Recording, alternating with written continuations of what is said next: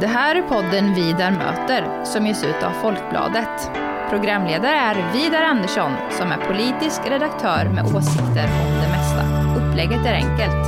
Han bjuder in människor till samtal om politiken, livet och tingen.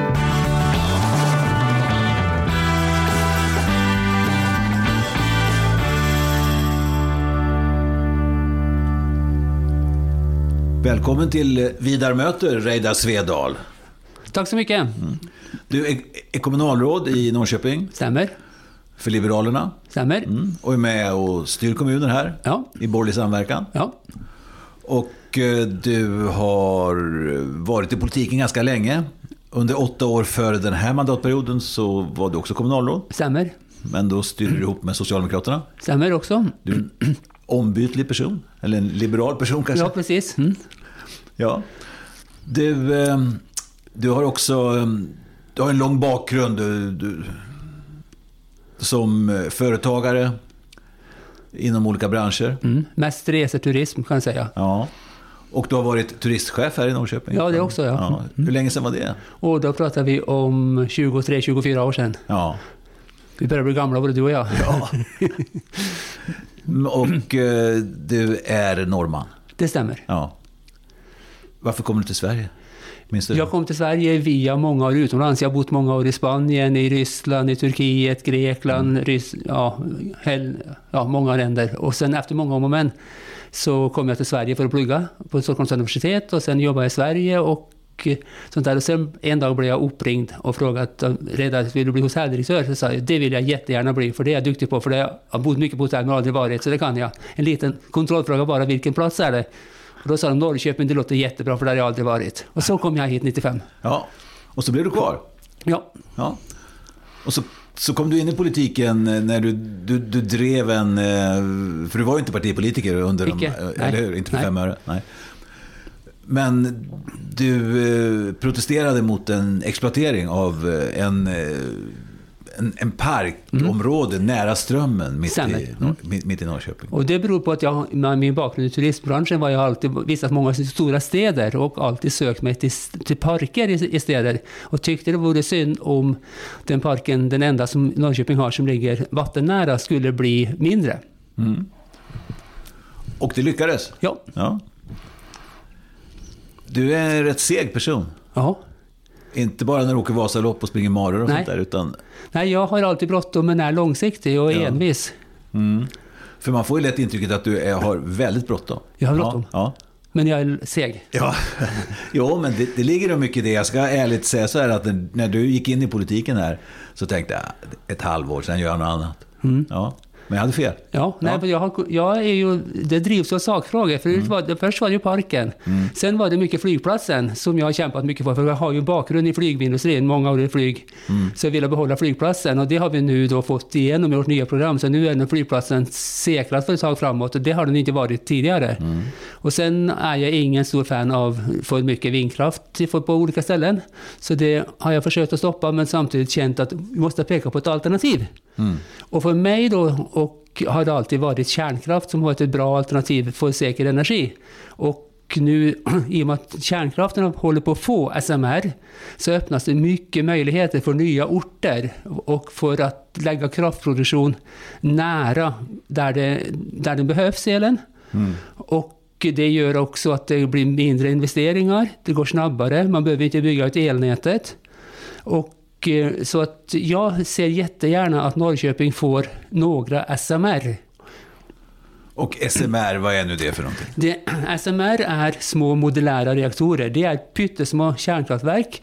De är pyttesmå, fel ord, de är små. De är kanske från 30 meter gånger 7-8 och ryms på en fotbollsplan kan man säga, en eller två sådana reaktorer. Det är samma, de har funnits i samma teknologi, har funnits på ubåtar sedan 50 år, finns idag på alla stora hangarfartyg. Medan SMR är en utveckling och förfining av den av den tekniken. Men- Men SMR är också kärnkraft, men det är en mindre utgåva av det. Idag så behöver man, kan man säga att 3-4 SMR motsvarar den gamla tidens kärnkraftverk i vad den ger av el. Men vad jag förstår så det finns inte många sådana här i drift. Det lär finnas ett i Ryssland kanske? Ja, och i Kina också, det ja. stämmer. Men, mm. men nej, det, det, är, det håller på att tas fram nu, för tanken med SMR är att de ska serieproduceras. De byggs inte på plats. Mm. Och det är många företag, och det är kända företag, som håller på att titta på det här och har kommit en bra bit på väg. Och man tror att någon gång från 1998 till 2033, i det spannet, kommer de att komma i drift. Mm, mm. Ja, och du, du, du mejlade mig här, vi hade lite uh, mejlkontakt i samband med regeringens uh, pressträff mm. tidigare i veckan. Vi, vi sitter här på torsdagen den 10 augusti. Och då höll ju regeringen en pressträff där man utvecklade vilka hinder man vill avlägsna för att det ska byggas ny, ny kärnkraft, enkelt, enkelt sagt. Ja.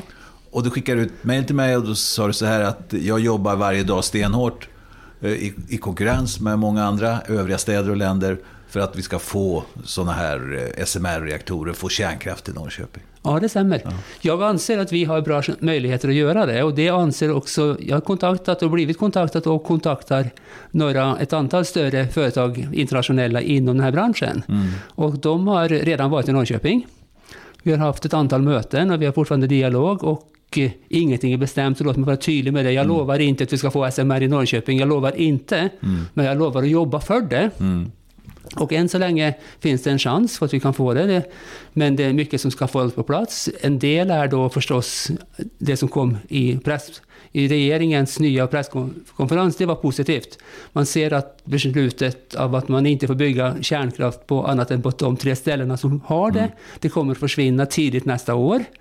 Och det öppnar upp då för nya ställen. Och då är det ju så att Norrköping, det, har ju, det står ju, kom fram också efter Tidöavtalet, att regeringen pekar ju på Norrköping som en möjlig plats i och med att här finns det vissa förutsättningar. Här har vi då, ja, olika grejer som inte så många andra ställen har. Så vi, vi har en bra chans. Mm. På den här pressträffen som miljö och klimatministern hade så var ju också eh, Strålskyddsmyndighetens eh, generaldirektör, eller ja, tjänstgörande generaldirektör med. Och han påpekar också det att myndighets-Sverige på det området är ju väldigt eh, oövat. Ja. Man har inte varit inne i en tillståndsgivningsprocess på över 50 år. Nej, och jag tror inte bara oövat, jag tror till och med medvetet eller omedvetet nedbantat och nedslaktat. Mm. Så det finns ett stort jobb att göra, bygga upp det, kompetens där, fort och bra, och för det är en, de är en nyckelspelare. Mm. Vad får du för reaktioner här i Norrköping när du eh, driver kärnkraftslinjen på det viset? Alltså, det, det, oavsett vilken fråga som är aktuell, har jag lärt mig i politiken då, så finns det några som tycker det är jättebra, andra som tycker att det är helt fel. Mm. Och så finns det många som jag vet inte riktigt vad det är frågan om. Mm. Så är det också här, men man märker, man ser ju idag på de opinionsundersökningar som görs, så ser man att 70 procent av Sveriges befolkning är positiva till kärnkraft. Och den ökar tror jag mera och mera. Mm. Och, och i Norrköping så har jag också mitt intryck här att merparten tycker det är bra, men det finns också de som av olika skäl inte vill ha det. Mm. Du tror inte det kan vara så ungefär som med vindkraft om man förenklar det lite? Det vill säga att många tycker också om vindkraft, fast inte just där jag bor. Nej, men, ja. nej det tror jag inte alls. För tvärtom, nej, om du tittar i Oskarshamn, om, mm. du vill, om du vill fråga var i Sverige är man mest positiv till vindkraft, mm. så är det, till kärnkraft, så är det de platserna som en kärnkraftsanläggning. Mm. Där är, där de tycker mest om kärnkraft av alla ställen. Mm. Vindkraften är tvärtom.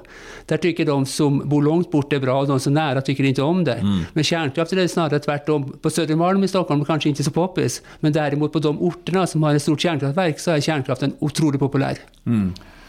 Inte minst därför att det ger arbete och sysselsättning naturligtvis. Och underleverantörer betyder mycket för bygden. Mm. Alltså, och så, och det är ingen... Eh, det är ingen bortförklaring och det är, det är inget sätt liksom att eh, förminska det du säger. Men det, det, finns ju många intressen i detta. Ja, det gör det. Ja. Minst vindkraften ju, den lokala vindkraften i varje fall, inte ger så mycket jobb. Nej. Men du, eh, det här eh, riskerna med kärnkraft. Jag menar, tror du folk är intresserade av att eh, bo, bo granne med kärnkraft när man inte vill bo granne med vindkraft? Ja, det tror jag. Jag tror att det har att göra med kunskap. Man kommer att se att kärnkraften är säker. Den är fortfarande den energikälla som har gett oss färre döda och sånt där. Så den, den, är kärn, och den är mycket säkrare nu än vad den varit tidigare. Och vi jämför med gamla teknologier i andra länder när vi blir rädda för kärnkraft. Tjernobyl var ju till hälften en vapenfabrik och en teknologi som aldrig brukt i Sverige. Så, men man får jobba med informationsbiten. Fördelen med framförallt SMR som jag jobbar mm. för då, det är att de är ganska små. De tar inte mycket plats som sagt. De är inte speciellt höga, de är kanske max 30 meter höga. Mm. De ger inga ljud. De eh, släpper inte ut eh, några gifter i, naturen. Den är snäll mot fåglarna. Den är pålitlig. Och Eh, så jag, och den ger många arbetstillfällen. Så, så jag, tror, och jag tror inte folk kommer vara rädda, plus att du behöver inte placera den så nära att folk upplever närhet. Norrköping är så stort, så att vi kan hitta en placering som inte är väg i väg med fastboende. Mm. Och, och vad jag förstår när det gäller sådana här mindre reaktorer då, så är en av användningsområdena är att inte inte koppla upp dem på elnätet utan att eh, de istället eh, försörjer en industri till exempel. Ja, du kan, du, alltså, det är definitivt. Det är ett av skälen varför Norrköping är intresserad. Det är ingen hemlighet att Norrköping ligger nära SSAB. Sverige har en dröm om grönt stål. Mm. Grönt stål bygger på mycket pålitlig, billig, fossilfri el. Mm. Så om vi skulle få en SMR i Norrköping, eller flera SMR som jag hoppas på då, så skulle definitivt, det är ingen konstig gissning att tro att SSAB kommer att bli en av kunderna. Mm. Också kanske Holmens pappersbruk på andra sidan. Mm. Och sen kan man från kärnkraft inte minst göra mycket vätgas. Mm. Du, du, du tror inte att det blir så att industrin sneglar på att, uh, ungefär som man har gjort i Finland med jättestora och konventionella kärnkraftverk, att industrin går samman och bygger sina egna? Nej, det tror jag inte. För jag tror att, eh, jag tror att, jag, jag tror att framöver kommer det byggas mycket SMR i och med att det är en mindre investering. Som, och den är serieproducerad så den kan tas var som helst. Den kräver mycket mindre utbyggnad av stamnätet. För ett av skälen varför vi har elproblem i Sverige det är ju att vi, vi har el några gånger men på fel ställe. Vi kan mm. inte transportera den. SS, alltså en SMR kan du sätta där behovet är störst och elledningarna är som sämst. Mm. Eh, en viktig sak så att säga, som eh, var väldigt central när kärnkraften introducerades på allvar, så här, på, ja, började byggas och tillståndsges på 70-talet, men framförallt under 80-talet. Det var ju det att det var en, en uttalad statlig angelägenhet. Alltså att det, man, man lämnar inte prissättningen här eh, till marknaden, utan det, det var en statlig angelägenhet mm. att det fanns el. Och då såg man till det. Mm. Att att även privata ägare skulle kunna leva på det. Mm. Idag känns det ju mer osäkert. Alltså med den här, det är väldigt volatilt, det är väldigt upp och ner med, med priserna. Det sägs så här, är det här lönsamt? Vill några satsa? Ja, det, är två grejer i det ena. Det ena är när staten går in och ger subsidier eller gräddfiler mm. eller mm. straffavgifter. Vi har haft straffavgifter på kärnkraft, vi har haft gräddfiler på vindkraft. Det är inte bra. Vi måste ha neutrala konkurrensförhållanden. Så det, det, tar man bort dem så blir, så blir det också lite stabilare priser. Men det andra är ju att så länge du har mycket väderberoende el så kommer du att få tillfällen var du då har jättemycket el och då går priset ner, det är mm. logiskt. Mm. Och så finns det gånger när det, är vindstilla, då blir mm. priset upp och då får man de här upp och nerpriserna. Och några gånger så har vi också, nu lägger vi mycket pengar, Svenska kraftnät lägger väl kanske 13 miljarder i år på den el vi inte kan ta hand om för att folk ska ta hand Så det gör vi också i Norrköping nu, inom två månader så har vi ett tar vi hand om överskottselen genom då att lagra den i ett batteri. Ett företag som startar och vill lagra då elen och få betalt av Svenska kraftnät för att ta hand om de topparna som finns. Inte för att lagra elen långsiktigt, men för att mm. rädda elsystemet. Mm. För kommer det för lite eller för mycket el i vårt elsystem så brakar hela elsystemet ihop. Mm. Men om vi återgår till själva prissättningen. Mm. Ser du framför att eh, det i huvudsak eh, ska fortsätta vara på en europeisk marknad? Alltså det som, som sätter priserna? Eller ska det finnas någonting? Om man går in och investerar i basenergi och när liksom det uttalade syftet från staten och i stort sett alla partier är att vi behöver kanske fördubbla eh, leveranserna av fossilfri el tillgänglig, mm. alltså till bra priser. Kan man förvänta sig att det är de privata som ska stå för detta? Jag tror de privata är villiga att göra det om de vet att det är långsiktighet. Alltså när vi pratar SMR och kärnkraft idag så pratar vi om att de kommer leverera el i 60 till 80 år. Mm. Så de, och de flesta investeringar, om du kan ta dem på 60 år, så är de rätt bra. Men däremot att ta en investering som är så jättestor med osäkerheten om att jag vet inte vad som gäller om fem år. Mm. Det, det, så jag, jag, tror inte prisnivån är det viktigaste, det viktigaste är långsiktigheten mm. och veta att det här kommer att gälla under den investeringstid som vi har framför oss. Och det är därför man pratar om att ha någon form för överenskommelse över blocklinjerna, att det här ligger fast oavsett, och den är jätteviktig. Mm. Tror du att det blir en sån överenskommelse? Jag menar, regeringen har ju majoritet jag menar, för sin linje. Jag, jag tror inte att det riktigt räcker till. Jag tror, alltså det räcker till för att få igenom lagförslagen. Men däremot att få investorer att känna sig trygga så vill man nog gärna ha att Socialdemokraterna är med också. Och jag mm. tror Socialdemokraterna kommer att komma med. Det, det, är min tro. SSU tog det här beslutet här i Norrköping för en vecka sedan knappt. Mm. Det tror jag var en liten testballong. Och sen tror jag, nu är du socialdemokrat och kan partiet mycket bättre än jag som liberal, men jag tror att det finns inom Socialdemokraterna en förståelse för fackföreningsrörelsen som gärna vill ha energi för sina arbetsplatser. Och en socialdemokrati som är rädd för att förlora väljare till Sverigedemokrater. Så min analys utifrån mm. är att sossarna kommer att säga nej, ja till kärnkraft inom ett år. Ja, det är mycket, mycket möjligt att det blir så. För man, man ska ju komma ihåg att det var ju regeringen Palme och framåt som byggde kärnkraften. Så ja, ja. Jag menar att du har en, eh, du har en en genuin förståelse för det här. Sen kanske man eh, överdrev betydelsen av andra alternativa kraftproducenter. Och att man nu är på väg att, att glida in i, mm. i follan igen. Det handlar bara om på vilket sätt. Mm. Det handlar ju, ofta är det så i politiken, vem ger efter för vem? Och, ja, precis. Och hur ska det gå till? Mm. Men eh, i eh, er borgerliga samverkan i Norrköping, mm. de övriga två partierna, mm. Moderaterna och Kristdemokraterna. Känner du, är du en ensam varg här som kör på eller är du en del av... Jag kan väl säga så här att eh, jag är som en norsk längdskidåkare. Jag är några meter innan, före i spåret. Ja. Om man säger så. Ja, ja. Men de hänger på där bak. Ja, de gör det va? Ja, ja det är bra Reidar. Hör du, ehm, Märker du av, finns det många raidar runt omkring ute i, i, i, landet? Alltså som, är, är det här en fråga som, eh, jag vet ju när det gäller motståndet mot vindkraft, mm. så kom du snabbt in i ett, i ett mm. nationellt, mm. Eh, allt, vad, allt vad det heter, så säga, som mm. stod ungefär på samma sida.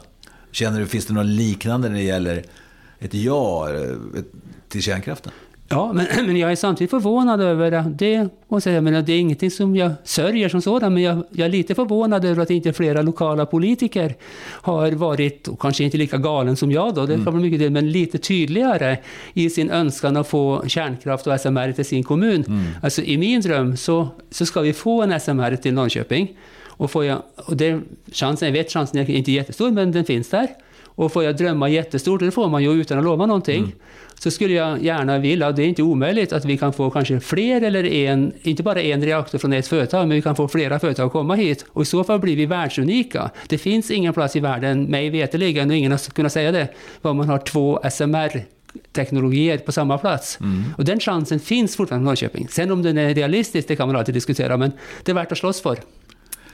Ja, och det gör du verkligen, Reidar. Tusen tack för att vi fick tala med dig här om eh, det här nya som nu pågår inom eh, kraftindustrin och framförallt inom kärnkraften. Och eh, vi får väl se om vi ses om tio år här.